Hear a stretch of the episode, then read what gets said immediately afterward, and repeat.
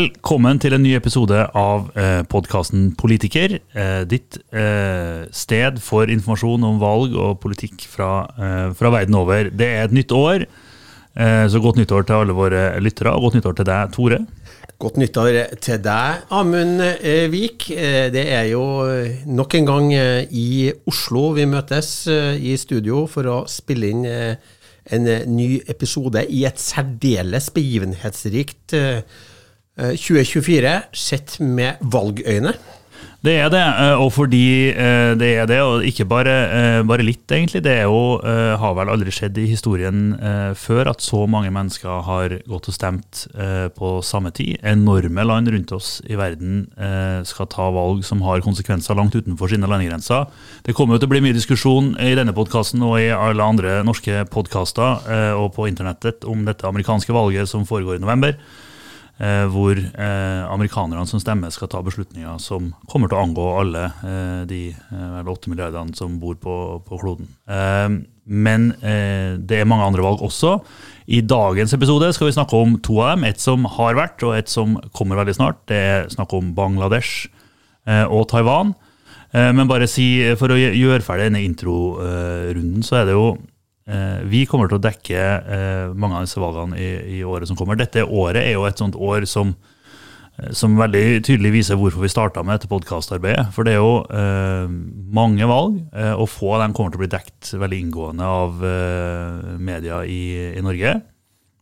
Eh, Så da, det, det rettferdiggjør i hvert fall veldig denne podkasten, og håper det vil være til glede og, og begeistring for våre mange lyttere. Jeg gjentar det vi sa i forrige episode. da. 41 av verdens befolkning eh, skal gå til valg. Faktisk kan det tenkes at det blir litt flere òg. For det kan tenkes at også Canada eh, tvinges ut i et eh, nyvalg i løpet av året. I tillegg da til USA, Mexico, Indonesia, India, Pakistan, nevnte Bangladesh, Taiwan. Eh, Og Storbritannia. Storbritannia, eh, EU-parlamentet. EU-parlamentet det. blir, blir kjempe, utrolig mye interessante valg. Eh, og eh, fordi det er så mye annet som skjer i verden, vi har jo snakka om det i, i denne podkasten tidligere, det er matvarekrise rundt omkring, det er energiomstilling på gang, det er krig i Ukraina, det er krig i Midtøsten, eh, og USA holder på å ramle inn i sin egen interne spenning. Eh, så vil jo disse valgene eh, Det er mye som står på spill veldig mange steder. eh, Og resultatet kan påvirke veldig mange overalt. Det stemmer. Vi kommer jo til å bite negler for hva som skjer i USA, der det går i den ene eller den totalt andre retninga. Det har vi snakka litt om før, det skal vi dekke mer inngående. Men det vi skal starte med i dag, er jo da først Bangladesh. Eh, vi hører jo ikke så mye om Bangladesh. Eh, Tore, det hadde valg nå eh, 7.1. Eh, det er et enormt land i, i folke, folkemengde. Eh, er i en region av verden som, eh, hvor det er veldig mye sp spennende som skjer. Eh, men vi hører ikke så mye om det i nyhetsformen her hjemme. Eh, men har du Tore, en slags quick take på hva vi bør vite om Bangladesh? Ja, Bangladesh, stort, men ungt land. 175 millioner mennesker eh, snart. Eh, de eh, oppstår jo da først med etter selvstendigheten til India, så ble jo da etter hvert muslimene skilt ut i Øst- og Vest-Pakistan på hver sin side av India. Eh, Øst-Pakistan eh, røyk uklar med Vest-Pakistan og løsrev seg da i 1971 og ble til Bangladesh. Det er et eh, land som har vært dominert av to partier. Konservative nasjonalistpartiet BNP og mer venstreorienterte Awami League. Awami League det er partiet til eh, frigjøringshelten da, som uh, fikk dem da til å bli Bangladesh. Eh, Mujib, altså Sheikh Mujib. nå domineres da politikken og de her to partiene da, av to kvinnelige politiske skikkelser. Det er da nåværende statsminister Sheikh Hasina fra Awami League og tidligere statsminister Khalida Sia fra BNP. Og begge de to her eh, kvinnene har da opplevd at deres eh, nærmeste ble drept i attentat. Eh, Sheikh Hasina sin far han ble drept med nesten hele familien i 1975. Hun var da i Tyskland på besøk til svigerfamilien, og søstera si var også der. Returnerte senere da og ble statsminister første gang på 90-tallet. Khalida Sia sin ektemann, han tok etter hvert makta, ble president i, i Bangladesh, eh, ble da drept i et attentat i 1981. Og Hun kom da også tilbake og ble eh, da etter hvert eh, statsminister. Først en gang på 90-tallet, og så en gang på 2000-tallet. Eh, Sheikh Hasina hun vant valget da i 2009. Og er faktisk nå da den lengstsittende valgte kvinnelige statsoverhodet i verden. Under flere valg enn både Indira Gandhi og Maggie Thatcher. Eh, og sto da til valg nå igjen, da, eh, i uh, den eh, 7. januar. Uh, og der var det bare ett parti som stilte, i realiteten. fordi at BNP, de uh, boikotta valget. De mente det var rigga, og fram til 2011 så hadde de en sånn regel i konstitusjonen om at før valg, litt spesielt da, så må da regjeringspartiet gå av og overlate da styringa av landet til en slags caretaker-regjering, eh, som da skal sørge for et nøytralt valg. Det ble avskaffa i 2011 av Awami League og Sheikh Hasina, eh, etter sigende fordi at det var en sånn caretaker da, som glemte å gå av i 2006. en sånn militær skikkelse. Eh, Så jeg var litt usikker på, på det. Eh, og eh, da mener da BNP at eh, det, da det, kan man ikke stole på valgutfallet, så de boikotta i 2014, i 2019, og de boikotta nå. Uh, og valgresultatet endte da med et ganske klart utfall. Ja, og det er vel, kan vel gå så langt som å si at denne tittelen med lengstsittende eh, kvinnelige statsoverhode, eh, valgte kvinnelige statsoverhode, eh, må gis en viss rabatt, eh, all den tid hovedopposisjonspartiet da i flere valg har boikotta valget.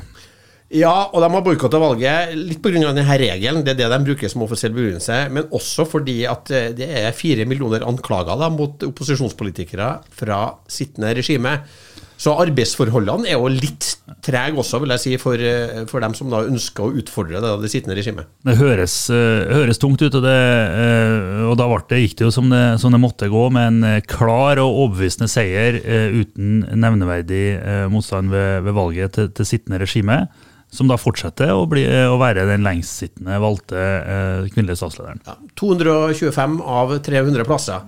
Men eh, vi skal ikke gå så veldig dypt i, i Bangladesh, men jeg tror det er verdt å nevne litt hvorfor også det er viktig å følge med på de her landene som Yes. er i den delen av verden hvor det bor eventyrlig mye mennesker.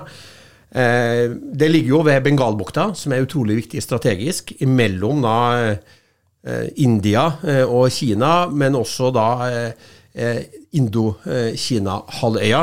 Eh, der også Vietnam, Myanmar, Kambodsja, Singapore, eh, Malaysia og så eh, videre ligger. Også 60% av skipstrafikken i verden beveger seg i dette området.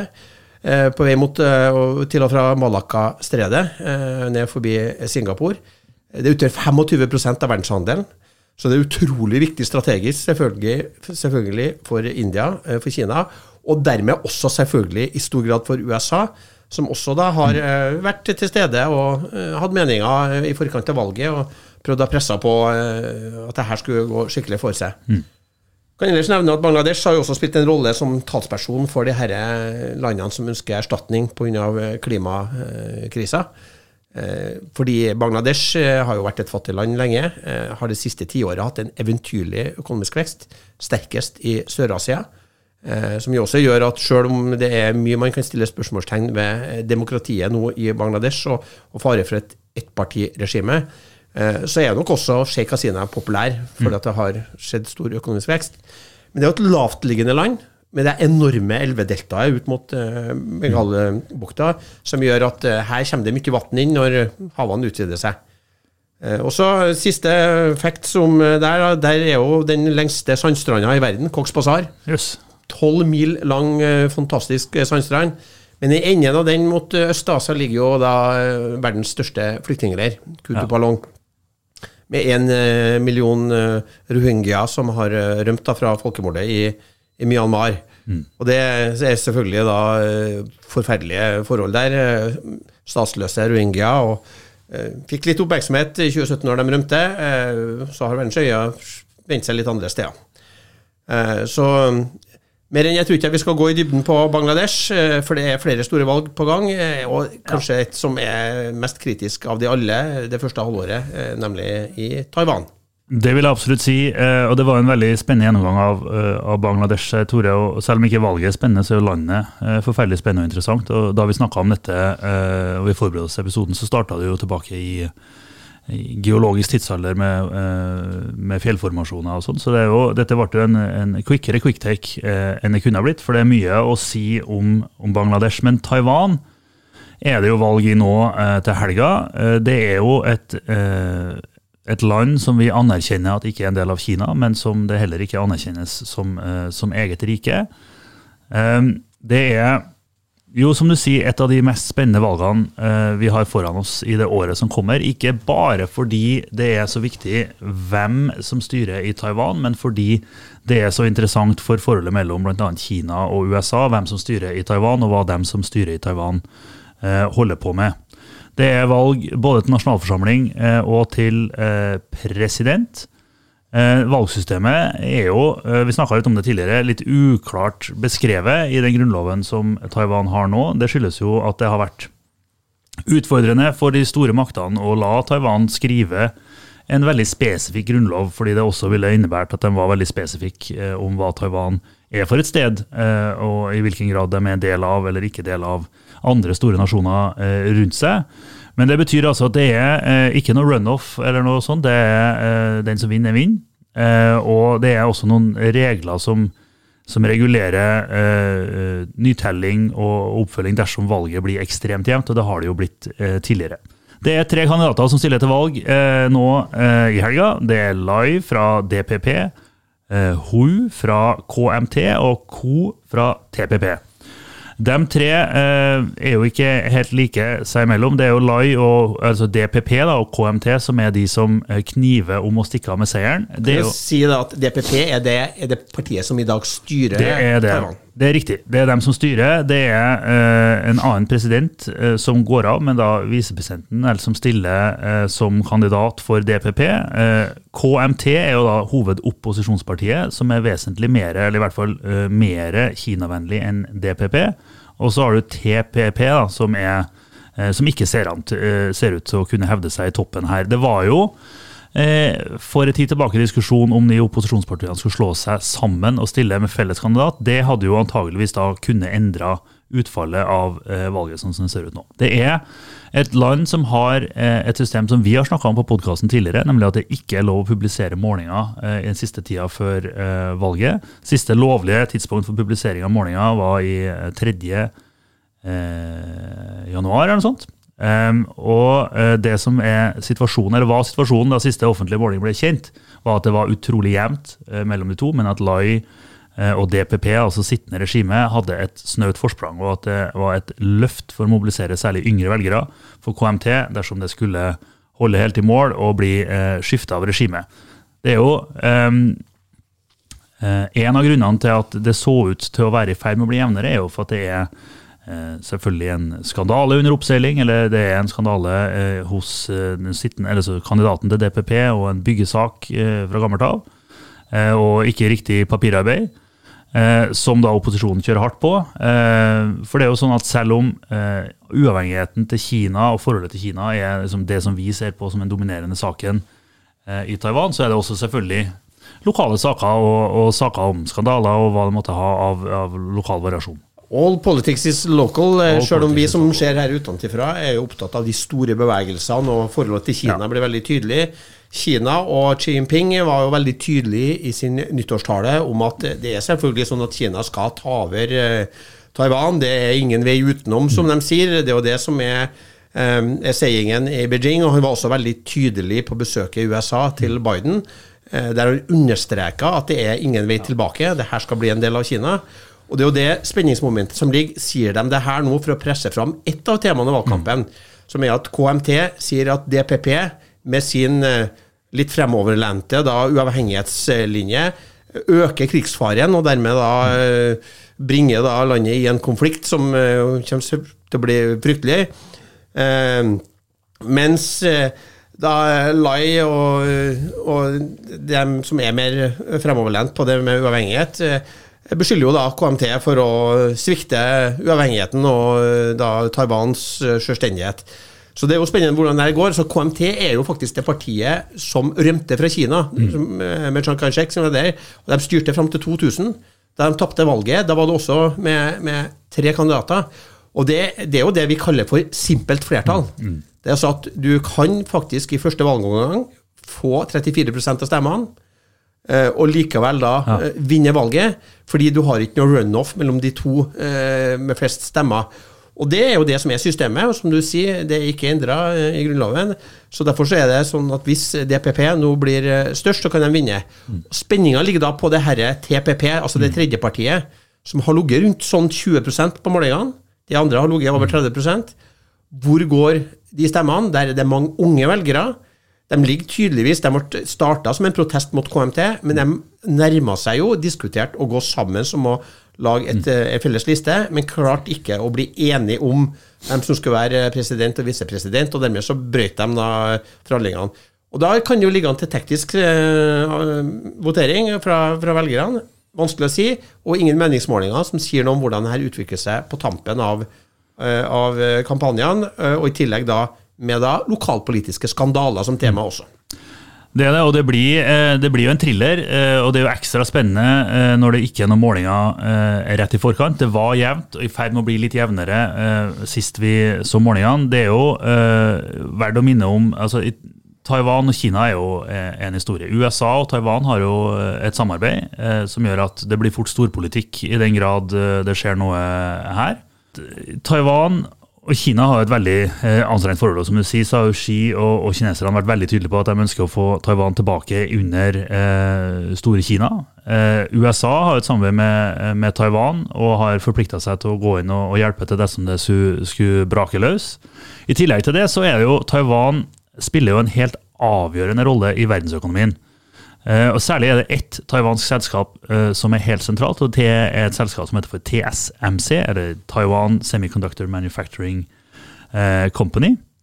som lager alle de mest avanserte dataskipene som brukes i AI, som brukes i avansert forsvarsmateriell, og som er helt avgjørende i si, det som er cutting edge av, av si, moderne høyteknologi i, i verdensøkonomien. Og det gjør jo at dersom noe skulle skje eh, i Taiwan, så vil jo det sette digitaliseringa eh, milevis tilbake. Og Så kan man diskutere ulike anslag på hvor store konsekvenser det vil få for verdensøkonomien dersom det skjer noe i Taiwan eller det skjer noe med TSF, eh, TSMC. Men det er også sånn at det er jo ikke da bare å, å nei, kan si, nei, vi kan bruke litt dårligere chips. For det er klart, hvem er det som lager de andre chipsene? Det er jo typisk Japan, Korea noen lages i Kina, eh, hvor alle må gjennom eller forbi dette stredet eh, for å komme til verdensmarkedet. Så det er nesten vanskelig å kvantifisere hvor stor kostnaden vil være for verdensøkonomien dersom noe skulle bryte ut av spenning i Taiwan. Og så er vi, som vi nevnte, eh, Kineserne heier på KMT fordi de har en mildere linje mot, mot Kina. Men det ligger altså an til at Lai og DPP kan stikke av med seieren, og da er det i hvert fall grunn til å forvente Eh, noen reaksjoner fra Kina gjennom helga. Ja, og selvfølgelig også spenninga i Taiwan. Eh, Kina har jo vært til stede sentralt i mm. valgkampen, både med å trua da tavanske taiwanske forretningsfolk som Terje Goe, som vi snakka om før jul, som stilte lenge som uavhengig kandidat, som trakk seg. Han har stifta selskapet, eier selskapet Foxconn, som har laga iPhonet. fordi at han da ble åpna etterforskning mot bedriftene hans i Kina. Ja. og så er det jo sånn at Hvis nå da ender opp med at Lai vinner valget da med et mye dårligere mandat eh, Sittende president har jo eh, vunnet eh, valgene med majoritet i første valgomgang. Mm. Eh, over 50% av stemmene, ganske massivt. Hvis da Lai vinner med et svakere mandat, la oss si rundt 36-37 eh, så er det jo også parlamentsvalg samtidig, så han mm. kommer jo tilbake med et svakere mandat mm. i den lovgivende forsamlinga som velger samtidig. Og du vil også selvfølgelig kunne ved hjelp av eh, ja, Kina og andre bidra til å helle bensin på et bål for å delegitimere eh, da valget eh, og få konsekvenser i ettertid. Så sier du, også Taiwan-stredet kommer også til å være viktig. Det ligger jo mellom Kina og Japan, og selvfølgelig Taiwan, med USAs sikkerhetspolitiske interesser og med forpliktelser til Taiwan. Det er verdens tre største økonomier. Mm. Eh, og det vi har snakka om før, som vi kanskje har vært litt bekymra for, det er jo ikke at Kina nå kommer til å overfalle Taiwan, men at spenninga i området bygger seg så opp. Og det skal ikke så mye mer enn en fyrstikk til fra antenne, altså at det er noen som gjør en feil, en fly som Eh, som ramler ned, eller noen som mm. trykker på feil knapp, så er det i gang. Så vi var jo veldig glad også nå for at det er bedre dialog mellom USA og Kina på uh, forsvarssida, sånn at hvis det skulle oppstå misforståelser eller andre ting, at man da har dialog som man hadde under hele tida under den kalde krigen mellom Sovjetunionen og USA. Eh, så det er ikke da noen som skulle begynne å fikle med atomvåpen eller eh, eskalere konfliktene ytterligere på bakgrunn av en misforståelse eller et uhell, eller eh, mm. at noen har tatt seg litt for mye til rette. Riktig, og det er jo som vi har vært inne på her, det har jo vært tilsynelatende nå under Biden og, Xi vært satt en, en, brems eller et gulv på si, svekkelsen av forholdet mellom de to statene. og nå er jo i hvert fall nå, nå, publiserte jo Erasure Group sin sånn topprisk-rapport eh, tidligere denne, denne uka. Eh, og Der er det jo tre hovedkonflikter som løftes fram. Det er mellom USA og seg sjøl. Det er mellom eh, det er mellom Ukraina og Russland, og det er i Midtøsten. Eh, og fordi disse, særlig Midtøsten og Ukraina, drives fram av såpass eh, uforutsigbare hendelser, så har egentlig forholdet mellom USA og Kina framstått som et forhold hvor det er voksne i rommet, i motsetning til eh, de andre to eh, store konfliktene i Ukraina og i Midtøsten. Så det er jo i hvert fall grunn til å håpe at dette, eh, denne liksom managed decline av forholdet mellom USA og Kina kan, kan holde seg, til tross for en antageligvis svært ruskete innenrikspolitisk situasjon i Eh, i USA i det året som, som, kommer. Men det blir et valg vi eh, kommer til å sitte limt til fjernsynsskjermene eh, og følge med på eh, gjennom helga. Eh, det er jo, eh, dersom Lai skulle, DPP skulle få gjenvalg, grunn til å også forvente at det blir noe form for reaksjon fra kineserne sin side gjennom helga. Så det kan bli en begivenhetsrik helg for alle som både følger valg og, og internasjonal politikk. men valgresultatet det får vi først vite til uka eller i helga. da, eh, og Da eh, vil vi komme tilbake i denne podkasten, og også i, i, andre medium vil det jo bli skrevet mye om det. Du kan jo si litt om de reaksjonene, så ikke vi skremmer vettet av folk. Ja. Det har vel ofte vært litt sånn etter Nancy Pelosi hadde det besøket i Taiwan, altså hun som var speaker of the house, mm. som Kina reagerte veldig på. Så gjennomførte de en enorm militærøvelse der man i realiteten da blokkerte, viste at de kunne blokkere eh, adgangen til eh, Taiwan. Mm. Og det er vel mer på sånn at man kanskje får noen overflygninger, man får noen eskaleringer, man får noe diplomati. Eh, for det er jo sånn denne milepæler. Det er altså 1.2, det nye parlamentet. I mai den nye presidenten blir satt, satt inn. Eh, så det er på det nivået. Eh, fordi Kina, Det er jo lite som tyder på at Kina kommer til å gjøre alvor av det truslene om å overta Taiwan det året her. De har store problemer på hjemmebane med skyhøy ungdomsledighet, med denne eiendomskrisa i eiendomsmarkedet. Eh, og de er ikke minst avhengige av å få solgt varene sine til, eh, til Vesten. Mm. Eh, og har nok merka seg eh, hvordan vi har sanksjonert eh, Russland eh, i kjølvannet av Ukraina. Så det er ikke det vi snakker om, men at du får en, noe som øker spenninga i området. Og det, og det er igjen som øker faren for at noe Eh, noen kan tenne fyrstykk på feil sted. Ja, Det er riktig. og Det, det er helt klart forventningen at, dette, at, det som eventuelt blir da av reaksjoner, hvis det, hvis det, blir noen i løpet av helga, er innenfor eh, forventa atferd, men eh, strammere og, og, mer spent. Og så er det som du sier, det er jo, eh, det skal, Parlamentet skal settes, og ny president skal tiltre. Eh, og Det er mange anledninger her for, eh, for Kina og andre til å, til å yte påvirkning. så jeg tror på en måte de initielle reaksjonene vil som du sier, være helt klart innenfor status quo, men, men, mer spent. Og det som vi har vært opptatt av før, eh, øker jo sjansen for at noen gjør feil som kan få dette eh, ut av kurs, men eh, det forventes en slags kontroll her. Men så, Dette blir spennende å følge med på. Vi eh, kommer i hvert fall til å gjøre det. Eh, og dette er jo et valg som er såpass viktig at det kommer til å bli dekt eh, rund baut, antageligvis. Vi syns det er, blir veldig interessant å se hva som skjer. Det som er spennende å høre for våre lyttere, er jo at vi eh, har inngått et samarbeid, eh, et nærere samarbeid med eh, Tankesmien Agenda, hvor vi nå skal være det som de kaller en assosiert podkast. Eh, som betyr eh, at vi får muligheten til å bruke et studio til, eh, i tillegg til det vi nå sitter i. Det betyr at vi får bidra De bidrar til å spre denne podkasten til flere lyttere. Og at vi får komme inn i en del av en større sosialdemokratisk familie, som jo Eh, vi, synes, eh, føler, vi føler at klær oss og denne podkasten. Det ser vi fram til. Eh, og da kommer vi til å ses å høres av flere, forhåpentligvis. Så da er det egentlig bare nå da å eh, oppfordre til å like, til å dele, til å abonnere på eh, Politiker. Så skal vi følge med på flere valg, og ellers ha kommentarer om stort og smått i året som kommer. Det blir det, så da er det bare å like oss, følge oss, eh, og så høres vi etter dette viktige valget som skjer nå i helga.